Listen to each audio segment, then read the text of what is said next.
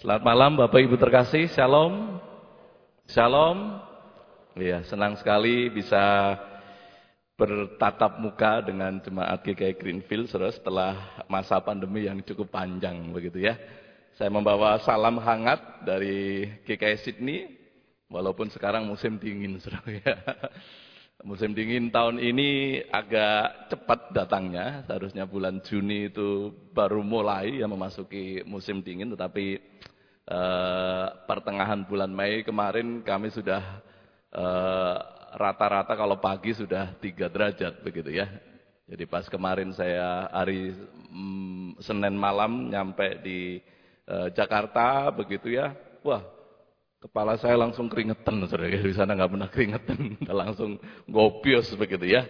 Nah, puji Tuhan untuk kesempatan yang diberikan dan terima kasih untuk dukungan, untuk support selama ini untuk GKI Sydney, secara khusus juga untuk saya secara pribadi. Terima kasih untuk pendeta, pendeta Riko, terima kasih untuk pendeta David Chu, uh, Pak Joni sebagai ketua majelis dan rekan-rekan majelis dan seluruh jemaat yang terus mendukung dan memberikan semangat saudara, support doa untuk GKI Sydney. Saudara.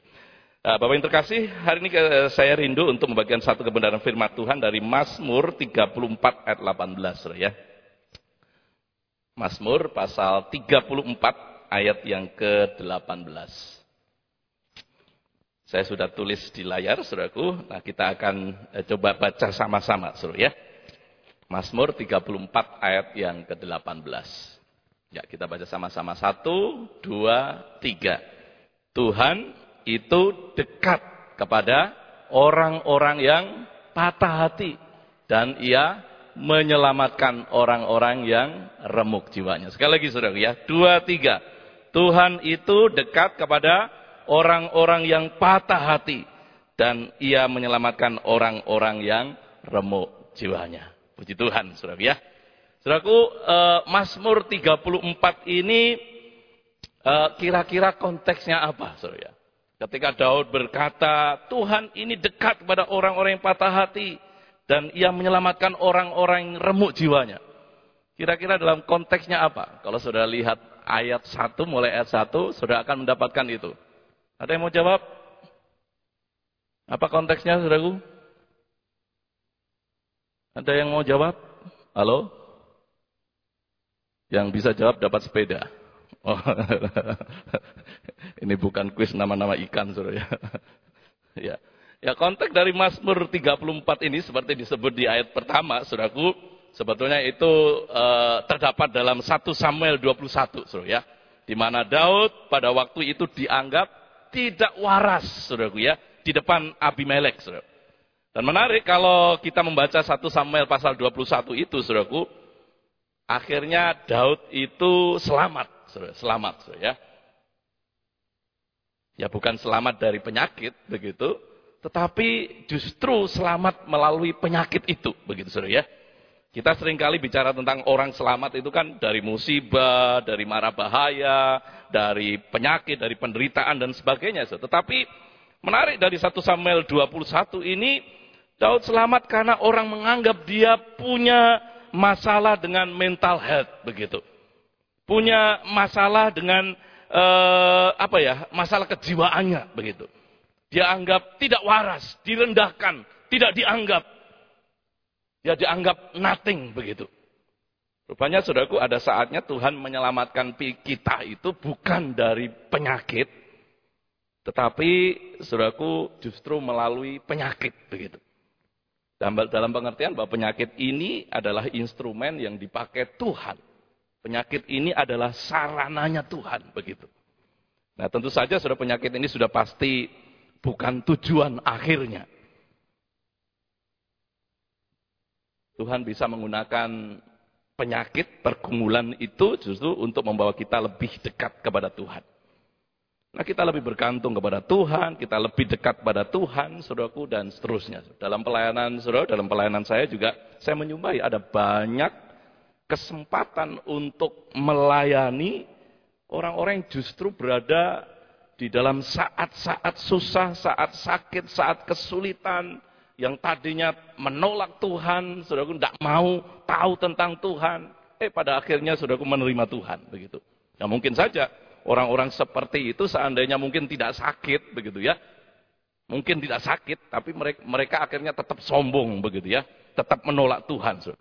Tapi sekali lagi Tuhan dengan hikmatnya, dengan bijaksananya sendiri, saudaraku, dengan caranya sendiri, yang melampaui segala akal dan pikiran kita itu, dia memakai itu untuk mengerjakan karyanya yang indah. Saudara. Bapak yang terkasih, barangkali dalam hidup kita itu pernah bertanya kepada Tuhan seperti ini. Tuhan, mengapa sih masalah harus kita tanggung uh, begitu berat begitu ya? Kadang kadang kala pun kita pun merasa Tuhan itu sepertinya tinggalkan kita dengan masalah yang kita alami, entah itu sakit penyakit, entah itu persoalan persoalan persoalan hidup lainnya begitu. Barangkali kita juga eh, sedang kadang berpikir, mengapa sepertinya kehidupan orang percaya itu kok tidak lebih nyaman gitu ya daripada mereka yang tidak percaya kepada Kristus gitu ya. Kadang-kadang kita merasa, oh jadi orang Kristen kok susah amat, berat sekali. Sementara mereka yang di luar Kristus gitu ya, yang tidak percaya Kristus kok nyaman-nyaman aja. Fine-fine aja, saudara ya. Benarkah Allah tidak peduli lagi terhadap penderitaan, permasalahan, ataupun sakit penyakit kita sebagai orang-orang tebusannya, saudara? Nah menariknya saudaraku, Mazmur 34 ini tidak berkata seperti itu. Justru merupakan kalau kita lihat itu merupakan nyanyian Daud. Ketika Daud berpura-pura tidak waras pikirannya kemudian ia diusir gitu ya. Nah dalam ayat 16 saudaraku kalau kita lihat secara keseluruhan Daud jelas mengatakan bahwa mata Tuhan itu tertuju pada orang benar. Telinganya kepada mereka yang minta tolong. Nah, itu berarti bahwa Allah tidak pernah sekali-kali meninggalkan anaknya yang sedang berteriak minta tolong. Dan kemudian dalam ayat 18 kita juga menemukan sebuah keyakinan bahwa Allah itu akan melepaskan orang-orang benar yang berseru itu dari segala kesesakan. Dan tidak berhenti sampai di sana dikatakan bahwa Allah adalah Allah yang dekat kepada orang-orang yang patah hati dan yang remuk jiwanya. Sudah bukankah justru dalam keadaan patah hati begitu dan remuk jiwa, kita justru sering kali merasa Allah itu begitu teramat jauh begitu. Seringkali ketika kita merasa keadaan patah hati, kadang kita hancur, kita banyak masalah, banyak pergumulan, sakit dan sebagainya. Kok kita itu rasanya justru, kok Allah kok tidak peduli sih? Allah itu teramat sangat jauh dari dari kehidupan kita begitu. Namun menurut Daud itu justru sebaliknya begitu. Di sanalah sebenarnya Allah justru menjadi dekat dengan kehidupan umatnya yang percaya. Daud sadar bahwa pergumulan, saudaraku, pergumulan bukan hal yang jauh dari kehidupan orang percaya. Selalu melekat dalam kehidupan kita. Kita tidak lepas dari pergumulan, saudara. Tidak terlepas dari kehidupan kita sebagai orang percaya sekalipun. Nah, dalam kesadaran seperti itulah, saudaraku, Daud menyadari pergumulan yang melekat, yang dirasakan oleh orang-orang percaya sekalipun itu, Daud mengakui dan sadar bahwa Tuhan pun akan memberikan kekuatan, bahkan melepaskan dari pergumulan itu. Dan melalui nyanyian Mazmur ini, Daud mengingatkan kita, sekaligus menguatkan kita. Sehingga Daud juga berkata dalam ayat ke-8, Kecaplah dan lihatlah betapa baiknya Tuhan itu. So, ketika saya renungkan bagian firman Tuhan ini, saya belajar dari Daud, maka kita perlu menyadari bahwa hidup orang percaya kepada Allah itu memang tidak lepas dari penderitaan. Kita juga belajar percaya bahwa pada waktunya Allah selalu mendengar dan akan mengulurkan tangannya dan melepaskan belenggu penderitaan itu. So, pelangi tidak akan indah bila hanya berwarna merah saja atau jingga saja. Pelangi itu indah karena apa, saudara? Karena ia memiliki beragam warna. Ada merah, jingga, kuning, hijau, biru, nila, ungu, saudara.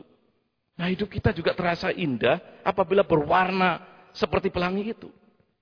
Namun pertanyaannya sudahkah kita juga mengizinkan, saudaraku, dan menyadari penyertaan Allah di dalam warna-warna yang kelam, yang gelap, dan suram dalam kehidupan kita. Sama seperti Daud percayalah bahwa di dalam setiap pertanyaan atau bahkan mungkin protes dan kekecewaan kita kepadanya, Allah yang mendengar sedang menunggu waktu yang tepat untuk menjadikan yang kelam, yang gelap itu jadi terang kemuliaan yang indah. Saya mengatakan bahwa memang tidak mudah ketika kita berada dalam situasi situasi yang sulit dalam kehidupan kita. Yang terkadang membuat kita kecewa, terluka, hancur, dan sebagainya. Dalam dalam bukunya, saudaraku, uh, William McDonald, uh, yang yang diberi judul Lord Break Me, saudaraku, menunjukkan seperti ini, saudara. Dia berkata seperti ini, dalam dunia fisik, saudara, dalam dunia yang kita tahu itu, saudara, benda-benda yang rusak, saudara, kalau sudah punya benda-benda atau barang-barang yang rusak itu, pasti akan kehilangan nilainya, betul ya? Kalau rusak ya udah nggak bisa dipakai, pasti ya kehilangan nilainya. Dijual juga nggak ada gunanya, nggak ada nggak ada nilainya, paling dibuang loh. Benda-benda itu akan ya dibuanglah begitu saja, jadi sampah gitu. Punya perabotan kaca apa piring-piring atau ya gelas-gelas atau apa pun saudaraku ya kalau sudah pecah ya udah nggak ada gunanya begitu. Sesuatu yang sedikit lecet saja, wah itu udah nggak ada gunanya. Gitu. Ada yang bersifat fatal, sudah. Apalagi gadget saudara sedikit, aduh rusak begitu ya, aduh rasanya sudah pingin ganti lagi, gitu. cepet-cepet ganti lagi. Jadi sesuatu yang rusak, sesuatu yang ya pokoknya ya tidak semestinya itu itu pasti tidak ada gunanya. Tapi menurut William McDonald itu katakan seperti ini, dalam dunia spiritual, saudaraku, rupanya tidak seperti itu. Sesuatu yang rusak itu justru bisa menjadi sesuatu yang berharga. Nah ini menarik saudara.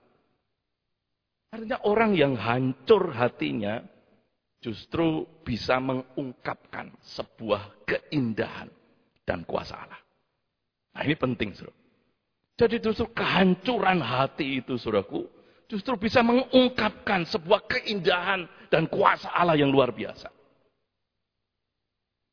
Saudaraku, eh, Empat tahun lalu, saudara di Greenfield ini kita sedang belajar juga tentang uh, sebuah buku karangan Kyle Idleman, saudara yang yang yang mungkin sangat familiar dengan kita. Itulah The End of Me. Saudara, saudara Kyle Idleman katakan ini, Allah itu melihat kita, melihat saudara dan saya itu lebih dari seperti melihat kinsugi. Apa itu kintsugi? Nah, ini suruh. Kepanjangan suruh. Ya, ini kintsugi suruh. Apa itu kintsugi suruh? Nah, kintsugi itu seperti ini suruh. Jadi kintsugi itu adalah sebuah proses restorasi keramik. Dan itu sudah dikembangkan di negara Jepang sejak tahun 1500-an. Jadi ini proses restorasi yang sudah sangat lama, Sur. Dalam kekaisaran, dalam dinasti Jepang, dalam dalam uh, di negara Jepang. Gitu. Jadi kalau ada keramik pecah, Saudaraku ya, jatuh dan pecah, Saudaraku ya. Nah, keping demi keping keramik itu, Saudaraku, yang hancur itu direkatkan kembali bersama-sama. Tapi bukan bukan dengan disembunyikan gitu, dipoles sedemikian rupa supaya tidak terlihat begitu ya. Retakannya tidak seperti itu. Tapi justru itu ditonjolkan gitu, Saudara ya. Saudara kalau sudah punya uh, misalnya uh, ya keramik antik, Saudaraku ya. Saudara kan kalau misalnya cowel gitu ya, gopel, gopel atau gimana begitu ya. Saudara pasti akan berusaha untuk menyatukan kembali dan kalau bisa itu Eh, nggak uh, kelihatan gitu ya, nggak kelihatan itunya sudah bekasnya nggak kelihatan. Tapi kunsugi seperti itu, sudah sengaja ditonjolkan itu. Jadi tidak disembunyikan bekas-bekas yang rusak itu. Bekas-bekas itu justru sengaja ditonjolkan dan kemudian disepuh dengan emas. Normally, saudaraku, keramik apa pun yang sudah rusak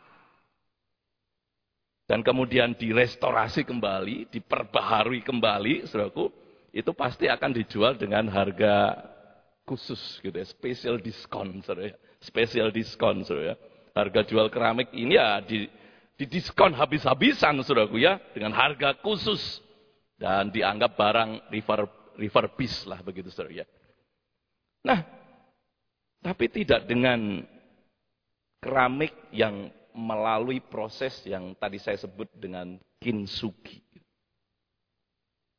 Terus keramik yang melalui proses kinsubi, kinsugi ini justru, saudaraku, menjadi lebih indah dan lebih bernilai dari sebelumnya.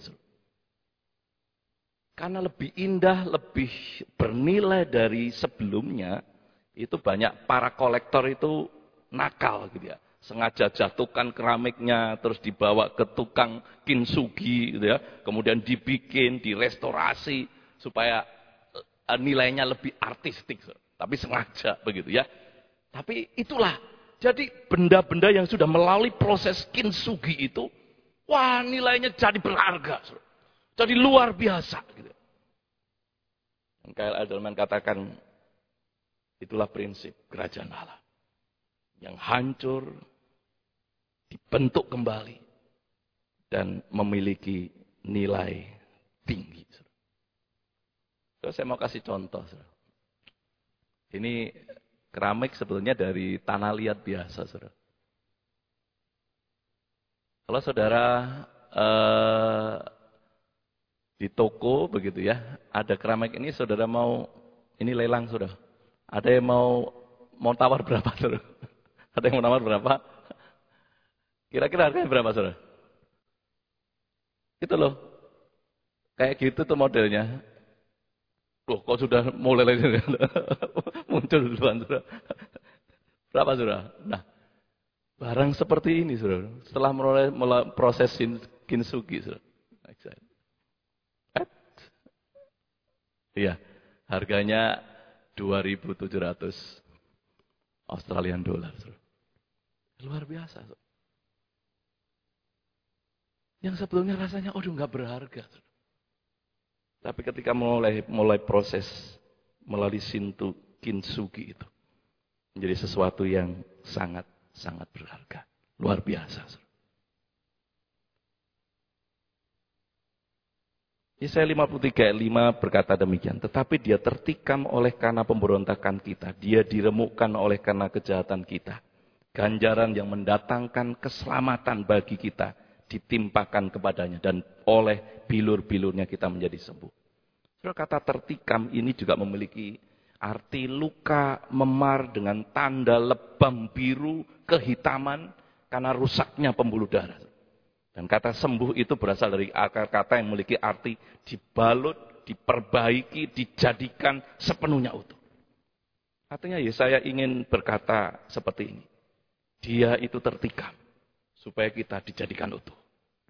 Yesus itu tersalib, dia tertikam, dia menderita supaya kita sungguh-sungguh dijadikan utuh. Oleh sebab itu pemazmur berkata dalam Mazmur 147 ayat yang ketiga itu. Ia menyembuhkan orang yang patah hati dan membalut luka-luka mereka. Pertanyaan saya sudah mengakhiri renungan malam hari ini. Saudara, kapan terakhir kali engkau merasa begitu hancur di hadapan Allah? Kapan terakhir kali engkau harus meneteskan air mata kesedihan oleh karena dosa yang telah saudara buat? Kapan terakhir kali? Saudara merasa sungguh-sungguh tidak layak. Walau saudara dipenuhi dan dianugerahkan segala talenta, segala kesempatan dan berkat yang luar biasa. Yang membuat saudara ada sebagaimana saudara ada saat ini? Atau justru semuanya membuat akumu melambung tinggi daripada Allahmu? Membuat kemauanmu lebih dominan daripada rajamu. Ambisimu lebih tinggi daripada Tuhan.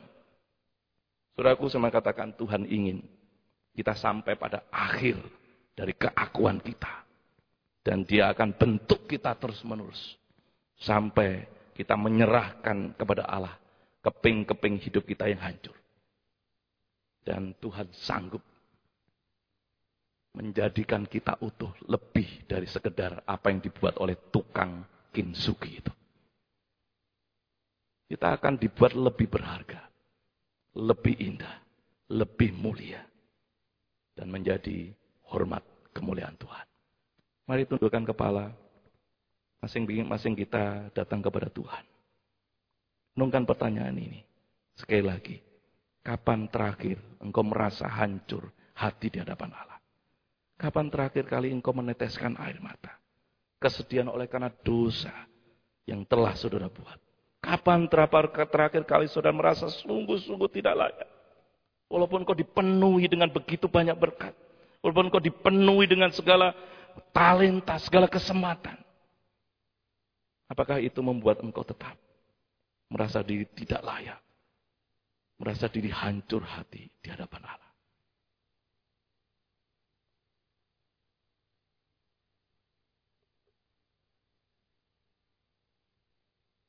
Pendeta Riko akan menutup kita.